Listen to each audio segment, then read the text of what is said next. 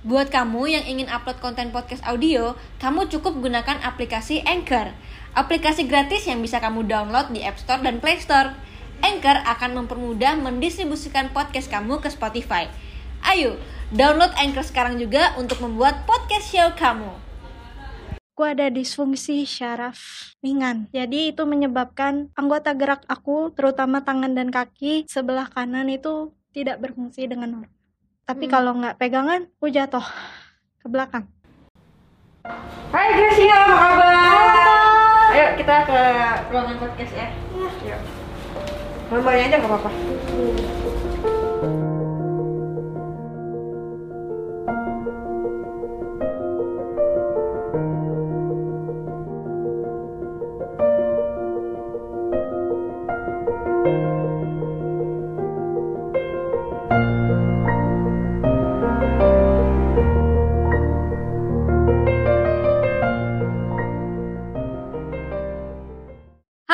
Guys, balik lagi di Grita Buka Praktek Tempat di mana kamu bisa mencurahkan isi hati kamu Dan juga buat teman-teman yang nonton di rumah Semoga dengan video yang kita buat Bisa memberikan dampak positif dan inspirasi buat teman-teman di rumah yang nonton Hari ini ada Gracia yang eh, udah lama, udah cukup lama ya eh, kirim kirim cerita ke aku. Hai Kak Ita. Halo, apa kabar? Hai. Akhirnya ada di sini juga. Iya, puji Tuhan. Nah, Gracia ini eh, ceritanya menarik banget. Waktu itu DM aku ya sempet ya. Mm-mm. DM aku terus aku lihat wah ini menarik banget dan akhirnya kita panggil ke sini. Makasih. Jadi eh, singkatnya eh, Gracia nanti akan menjelaskan juga. Jadi Gracia ini eh, seorang disabilitas yang istilahnya bisa dia bisa dibilang udah diporotin sama cowok eh. Iya, kurang lebih seperti itu sih. Tapi mungkin sebelum kita masuk ke inti ceritanya mungkin Gracia bisa eh, jelasin dulu sama teman-teman apa yang terjadi. Terus dulu juga katanya sempat eh, jadi korban bullying sampai didorong. Iya, didorong dari kursi. Nah, itu coba deh gimana ceritanya? eh jadi aku itu lahir prematur Hmm. sejak usia kandungan mamaku masih enam bulan dua minggu. Oke.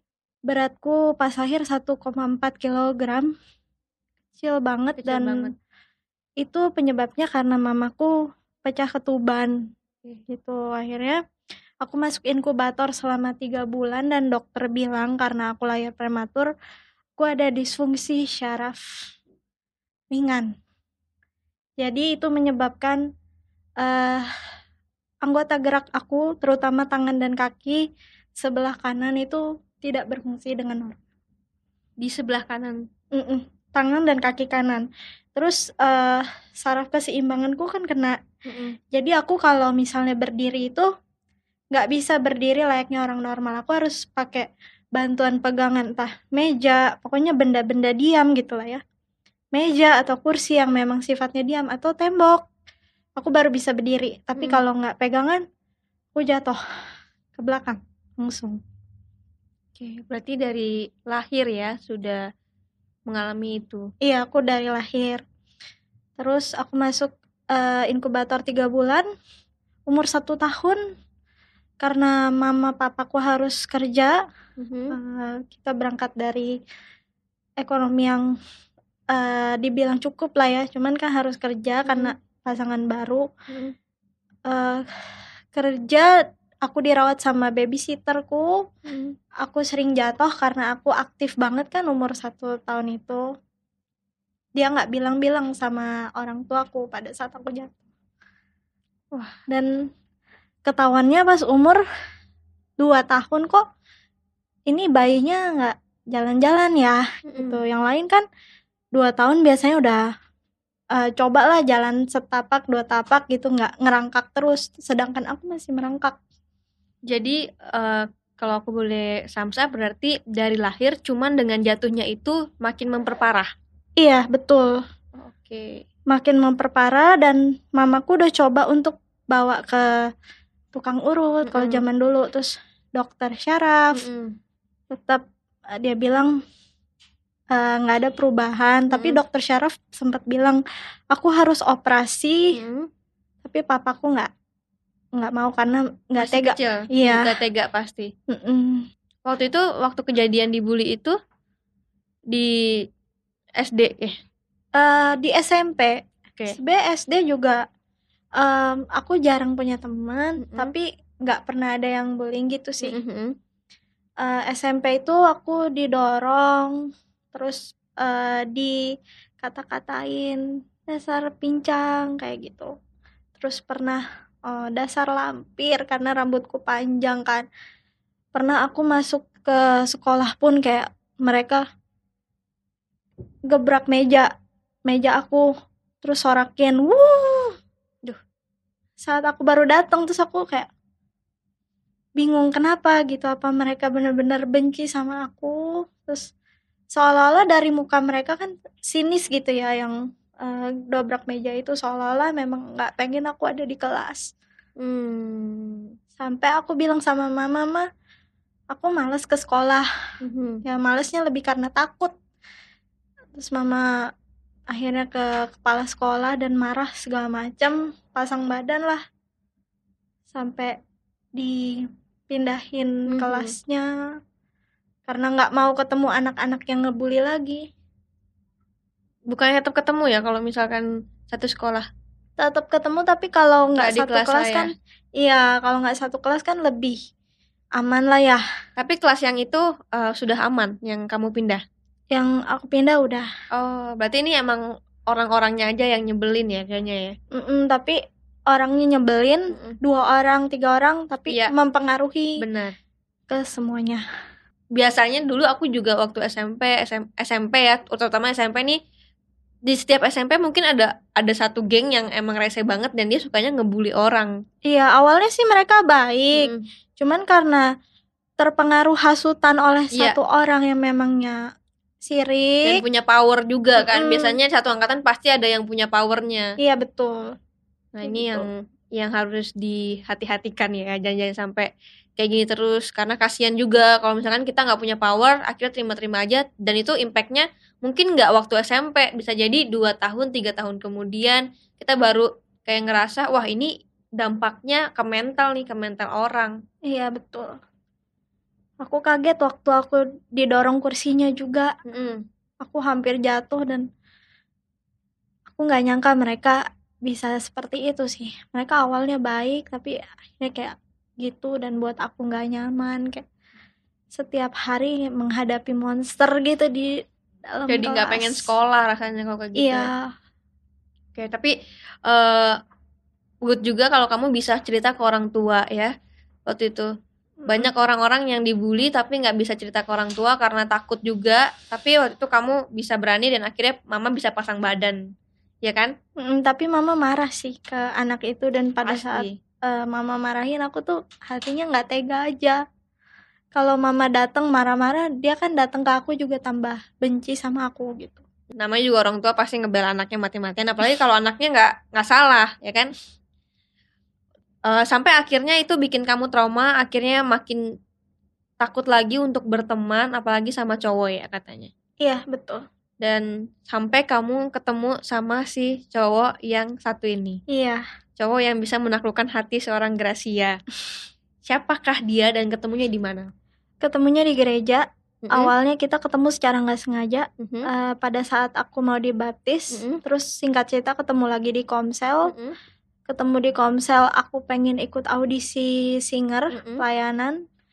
Eh, dia tadinya dia nggak berminat ikut audisi singer, cuma karena ada aku, Mm-mm. eh, dia daftar. Oke. Dia bilang sama aku, terus cari-cari kontak aku dari teman Komsel lain. Mhm, pada saat pertama kali kita ngobrol di Komsel aku tuh udah merasa tertarik gitu Iya. kan terus tiba-tiba dia hubungin aku terus Mhm. kita audisi bareng Eh, singkat cerita audisinya sama-sama belum rezeki lah nggak Mhm. lolos gitu setelah nggak lolos itu dia masih tetap menghubungi aku dengan cara em, minjem buku yang aku punya dengan cara minjem buku aku dengan cara dia komen-komenin semua status mhm. sosial media aku Jadi dia mendekatkan kamu secara intens ya. intens Sebelumnya ada nggak yang mendekatkan kamu secara intens gitu? Hmm, ada cuman karena aku memang nggak tertarik jadi aku cuekin Ya, wah yang ini bisa tertarik berarti spesial nih kayaknya nih. Iya, karena aku melihat dia itu pada saat kita ketemu pertama dan bener-bener ngobrol Mhm. secara dalam gitu, aku lihat dia orangnya bijaksana, Mmm. dewasa. Kebetulan emang aku kan butuh maksudnya pengen lah kalau suatu hari punya pasangan, aku yang emang anak tunggal pengen bisa punya pasangan yang ngemong, Mhm. dan kebetulan dia ngemong gitu. Mmm, emang kalau udah nyaman susah ya. Emang dia ngomongnya kayak gimana? Eee, kalau misalnya aku lagi ada masalah, Mhm. eee, dia selalu nasehatin layaknya seorang kakak bisa, seorang temen bisa, "Kamu tuh jangan kayak gini, ayo kamu semangat, kamu sampai sekarang kamu udah, eee, sejauh ini, kamu bisa bikin lagu rohani segala macam, kamu tuh hebat loh. Aku malah, eee, bangga sama kamu."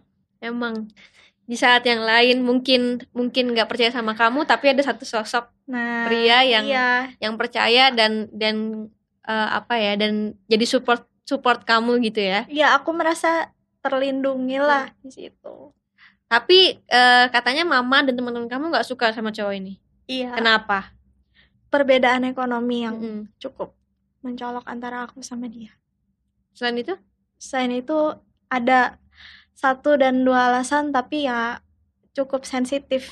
Jadi tapi lebih ke ekonomi sih alasannya.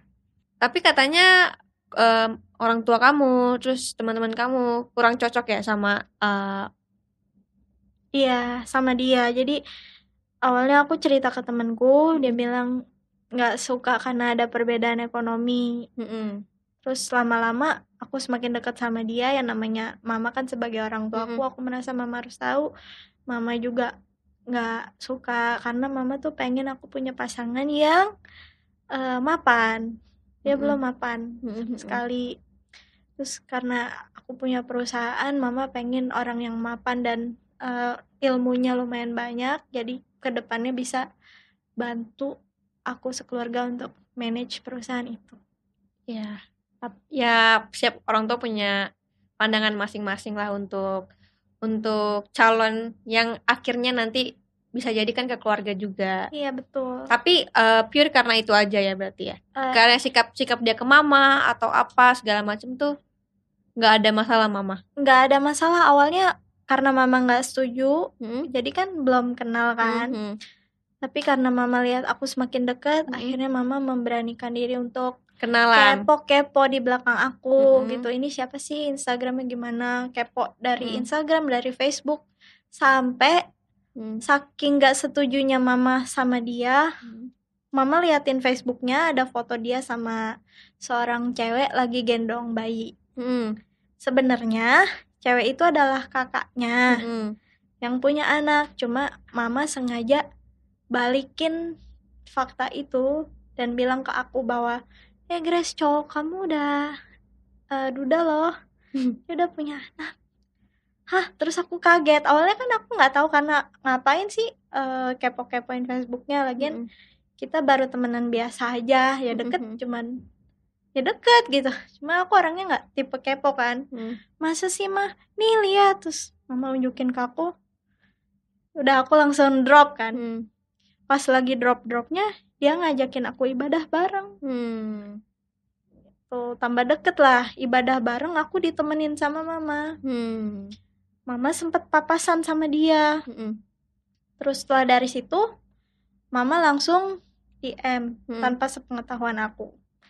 Mama bilang, kurang lebih gini isinya, eee, "Saya tahu di antara teman-teman gereja lain, Grace itu paling dekat dengan kamu. Mmm.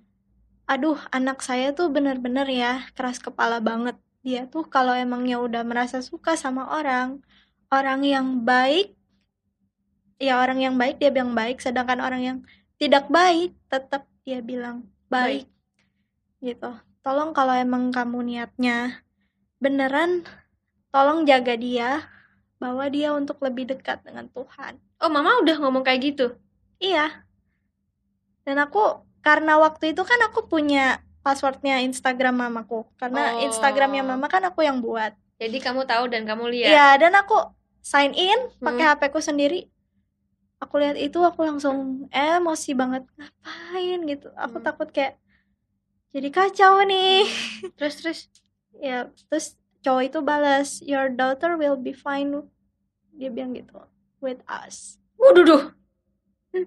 Laki-laki, laki-laki. Terus terus setelah itu eh, katanya ada perbaikan dari mama juga eh, apa mulai menerima mulai menerima karena mereka mulai intens sejak di MDM-an itu semakin mama kepo semakin mereka intens Hmm. berkomunikasi saling komen-komenan status segala macam Oh, iya kemajuan luar biasa dong ya.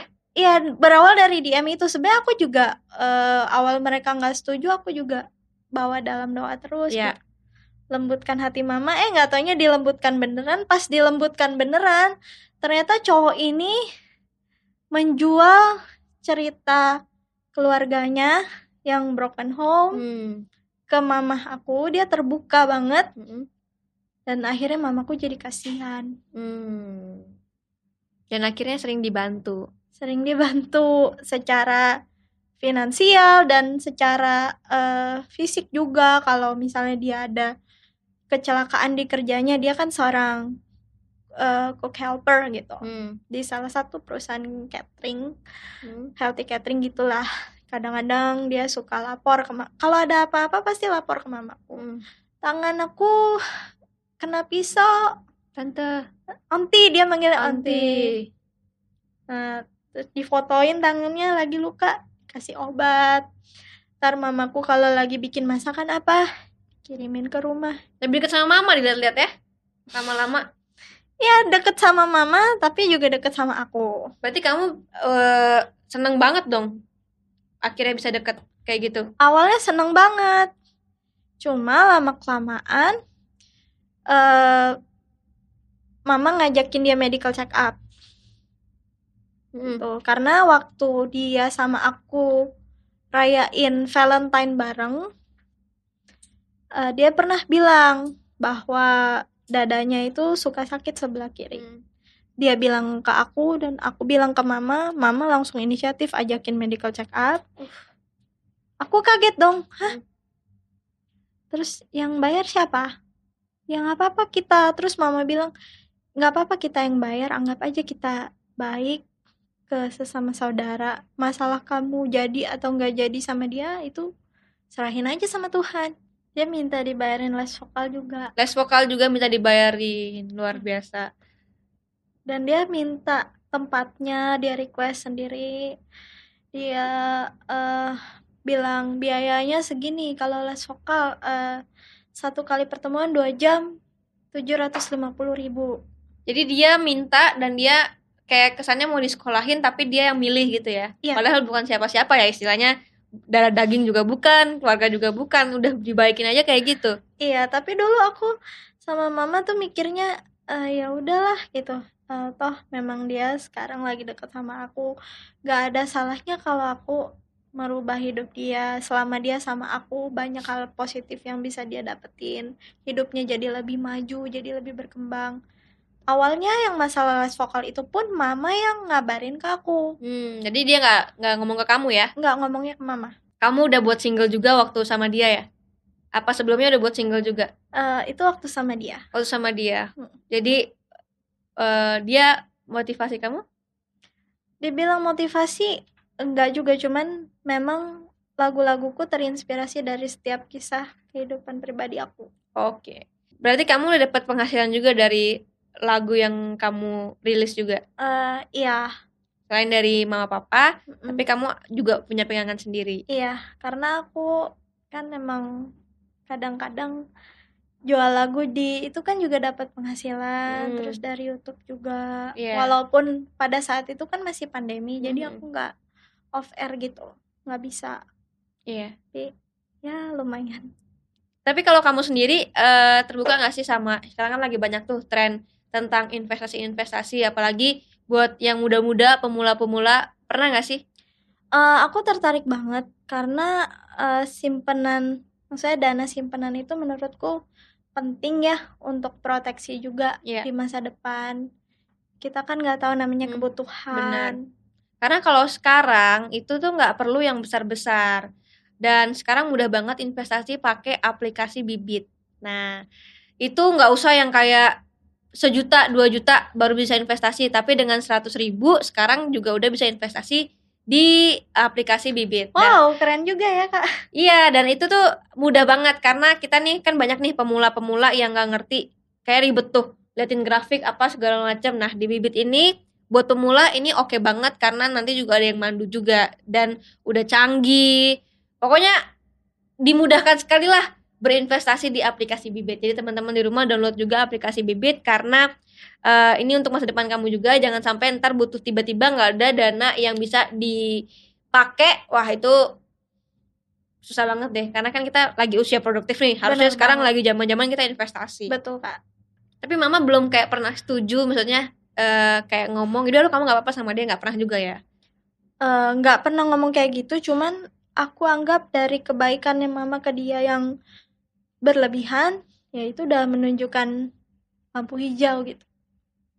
tapi mungkin menurut mama itu eh, dia pure untuk bantuin sesama aja bisa jadi nggak Bantuin sesama, tapi kan nggak mungkin yang ngajakin medical check iya up, makanya medical terus check up bayarin segala sesuatu, terus setiap dia ada kesulitan, kayak contohnya rumahnya mati listrik, Mm.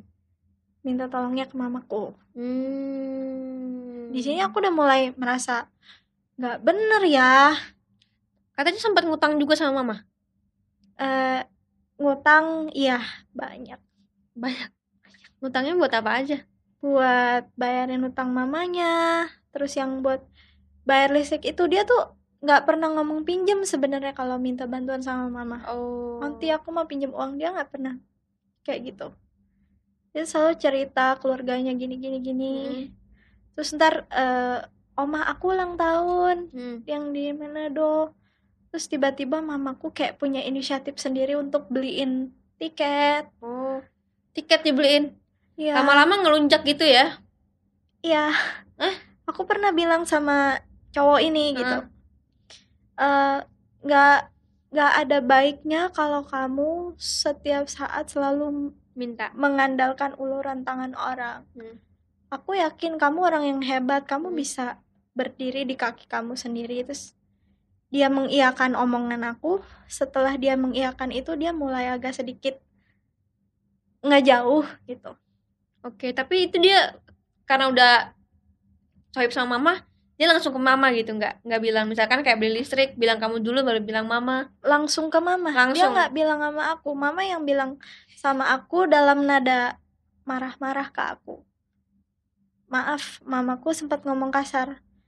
Ehm, bego, kamu kenalan sama cowok di gereja yang modelnya kayak gini. Tapi tetap aja mama kasih. Kasih. Jadi ini ya ada dua dua sisi ya, satunya mama baik sama dia, tapi satunya lagi eh, apa nggak suka diporotin gitu ya. Iya, dan aku pernah, eh, mama pernah telepon sama dia pada saat minta bantuan. Hmm. Kamu sudah sejauh mana sama Grace? Hmm. Dan dia bilang, aku anggap Grace itu seperti kakak aku sendiri. Hmm. Kalau terus aku mikir kan, kebetulan pas mereka lagi telepon, aku ada di mobil yang sama dengan mama Hmm. dan di speakerphone kondisinya. Aku mikir, kalau emang dia cuma nganggap gua kakak, kenapa lu yang cuman strangers, Hmm. lu bisa seterbuka itu sama orang tua gua gitu. Sampai dia bilang sama mamaku waktu awal-awal kenal, gimana ya onti aku mah nyaman sama Grace, aku banyak kecocokan, tapi aku hanya punya satu motor. Hmm. Jadi seolah-olah pada saat awal kenal itu eh, dari mereka yang sering DM mama tuh berpikir oh nih cowok emang beneran mau serius sama Grace tapi masalahnya dia nggak percaya diri Hmm. gitu. Oke. Tapi eh, secara ka- hubungan kamu sama si cowok itu udah menurut kamu udah ke tahap yang bisa dibilang walaupun nggak mungkin nggak ditembak atau apa tapi mungkin eh, pacaran? Dibilang pacaran dia nggak pernah ada nembak Iya. ya kan. Tapi dari perlakuannya setiap hari kita selalu tukeran kabar. I love you nggak? I love you nggak? eh jarang sih Oh, dia bilang jarang. waktu bilang I love you itu waktu pas abis ulang tahun dia aja waktu tahun tahun lalu. Oke. I love you with my way katanya. Akhirnya bagaimana dia bisa lepas? Ini juga pelajaran juga ya. Kok bisa ya? Awalnya baik, baik, baik, tapi ternyata di belakangnya eh, apa bisa dibilang nggak baik gitu ya Iya, makin lama makin lama eh, bisa lepas karena eh, awalnya mama cerita sama leader di komsel Hmm. gerejaku. Jadi dua bulan atau sebulan aku, pokoknya sebulan atau dua bulan sebelum kita putus, dia pernah WA ke mamaku. Mm-mm. eh Onti, aku tuh sebenarnya butuh dua tahun untuk mengembangkan perasaan aku ke Grace. oke Perasaan itu tumbuh eh, karena kita sering ketemu. Sedangkan aku sama Grace jarang banget ketemu. Aku udah ada loh di sini di tempat kerjaku cewek yang ngedeketin aku banget dan aku tertarik sama dia. Maka dari itu nanti untuk aku bisa ketemu sama sering ketemu sama Grace, aku pengen minta fasilitas dari Onti berupa mobil dan belajar seluk-beluk perusahaan Onti kurang lebih selama 2 tahun. Terus aku taunya itu dari eh, leader Komsel. Jadi Oh, oh. setelah putus, putus tanpa sebab, jadi dia bilang aku kayak nggak low profile lah karena kamu pe kamu eh, nggak suka kita memulai hubungan ini secara terbuka dan kita announce ke orang-orang di Komsel kamu nggak suka, kamu lebih suka tertutup gini-gini. Dia bilang aku nggak low profile dan aku taunya dari si leader ini. Leader ini ngajak ketemu, Hmm. ngajak aku ketemu terus kamu deket ya sama si cowok ini nanyain. Hmm. Aku bilang aku awalnya nggak ngaku karena balik lagi aku menyembunyikan kedekatanku Mm-mm. dengan alasan aku nggak mau orang ada persepsi yang aneh-aneh. hubungan yang dimaksud itu seperti apa sih kan eh, kita kan tadi persepsinya nggak pacaran ya Mm-mm. jadi sebenarnya dia itu nganggap kakak adik atau dia tuh nggak percaya diri buat dapetin kamu atau dia mau masuk ke keluarga kamu tapi sayang kamu juga terus akhirnya dia minta mobil dan minta eh, belajar perusahaan itu Mm-mm. atau memang cuma memorotin doang Menurutku dia pengen manfaatin sih. jadi oke jadi kan sebenarnya nih kalau kita kenal sama orang juga mungkin awalnya baik nyaman dulu ntar lama-lama dia akhirnya eh, apa keluar tuh buruk-buruknya seperti apa nah Mm-mm. mungkin eh, cowok yang kamu ketemu ini mungkin kayak gitu memang aslinya kayak gitu Iya dia em, secara halus Mm-mm. bermainnya, tapi selama kita deket juga gimana ya? Dia terlalu banyak menuntut juga gitu. contoh Contoh dia pengen aku lebih dress up, lebih dress up secara penampilan Mm-mm. atau make up lebih dandan. Mm. Karena aku kan orangnya dandan juga cuman berapa kali occasionally tergantung kebutuhan lah Mhm. ya. Kebetulan dia ada salah satu cewek di Komsel yang memangnya dia taksir juga dan cewek itu selebgram cantik banget. waduh Dia pengen aku tuh seperti cewek yang dia taksir.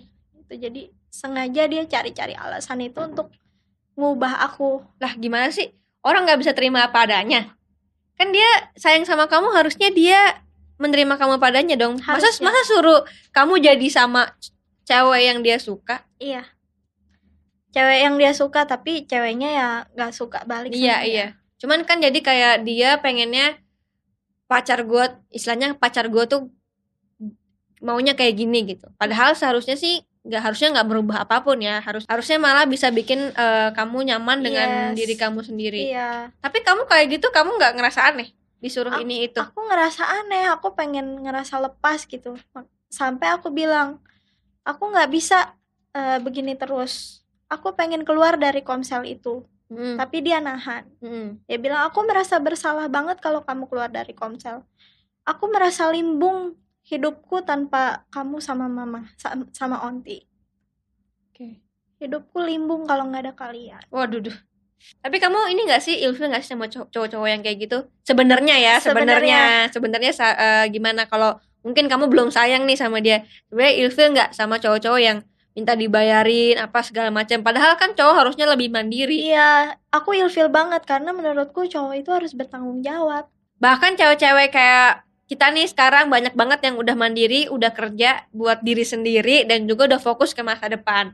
Makanya sekarang tuh harus banyak investasi dan buat teman-teman juga kalau misalkan mau investasi, yang paling mudah itu di bibit. Itu bener-bener pemula friendly banget.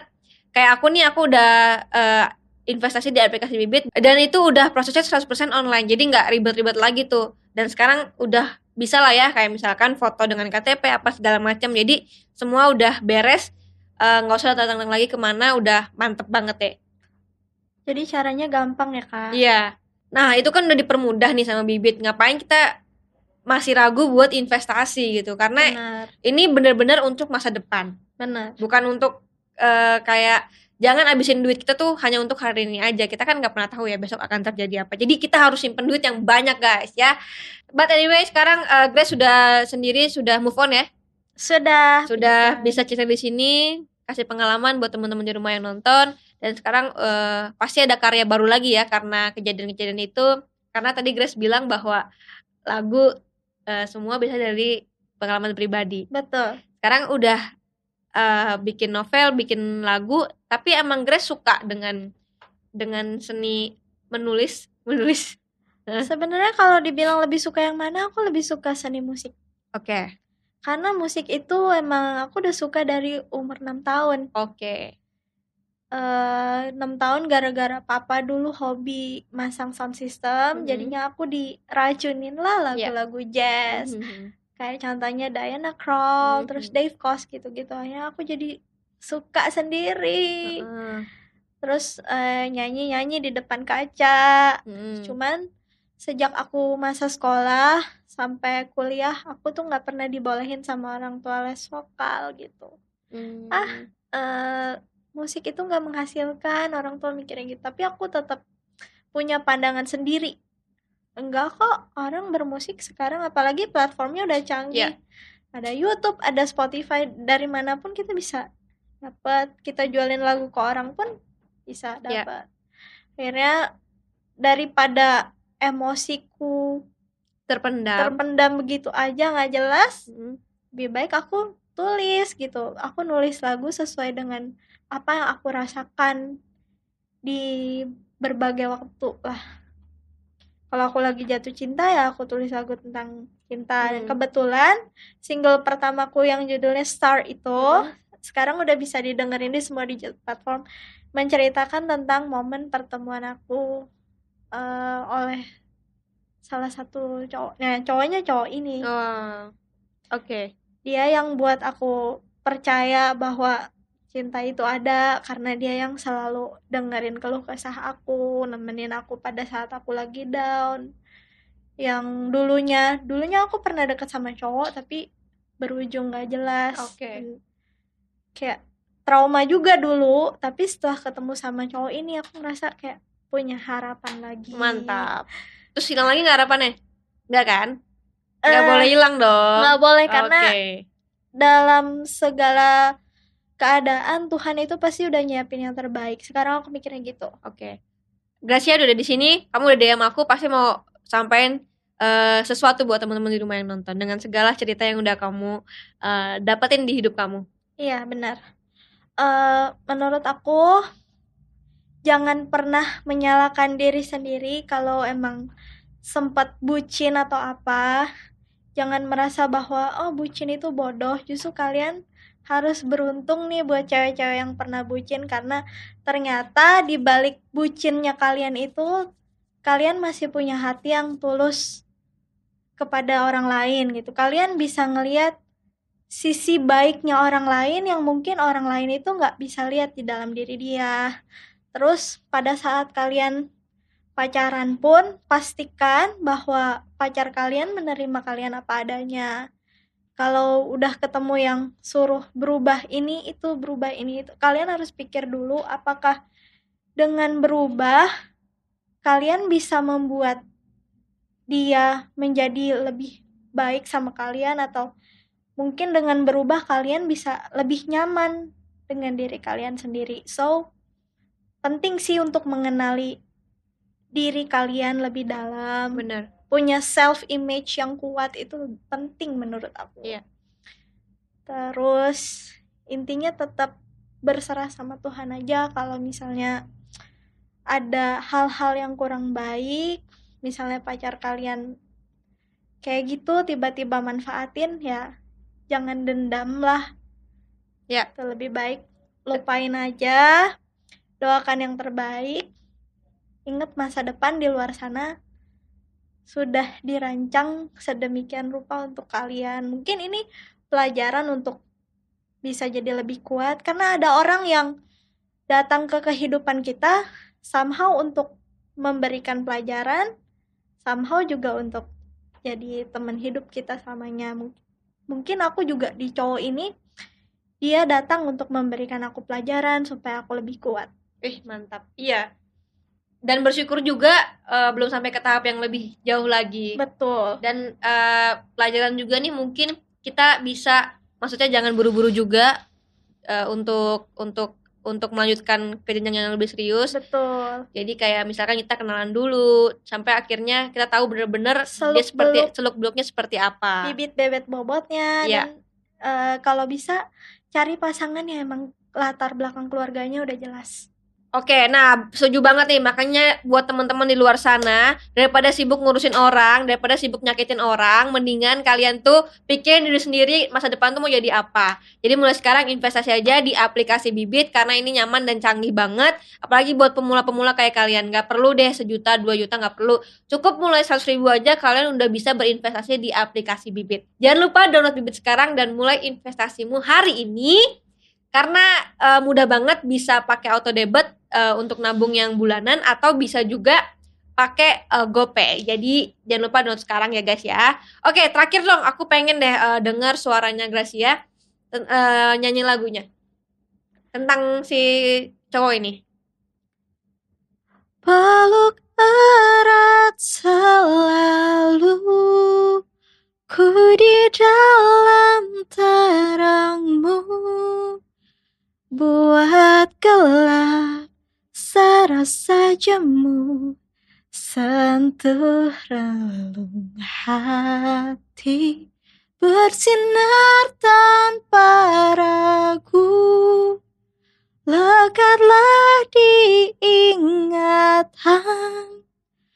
bertahan indah penuh kesan hiasi pekatnya malam Gracia, thank you for coming dan semoga dengan video Thank you, kita ini teman-teman di rumah juga bisa banyak belajar dari pengalamannya Gracia. thank you Dan semoga dengan video ini juga teman-teman eh, bisa mendapatkan dampak positif juga, lebih baik lagi. Ya, Gracia sukses terus. Thank you kak udah ngundang juga Iya, terima kasih juga dan pasti setiap eh, hidup atau setiap masalah yang datang pasti ada pelajaran yang bisa diambil baik buruk ataupun baik. iya Dan thank you udah nonton video ini sampai ketemu di video berikutnya. Dah, ayo aku kan mau ajarin kamu download aplikasi Bibers, aku ajarin cara pakainya gimana. boleh Cie, nonton sampai habis ya. Makasih ya. Jangan lupa follow Instagram aku di sini dan nonton video lainnya di sini.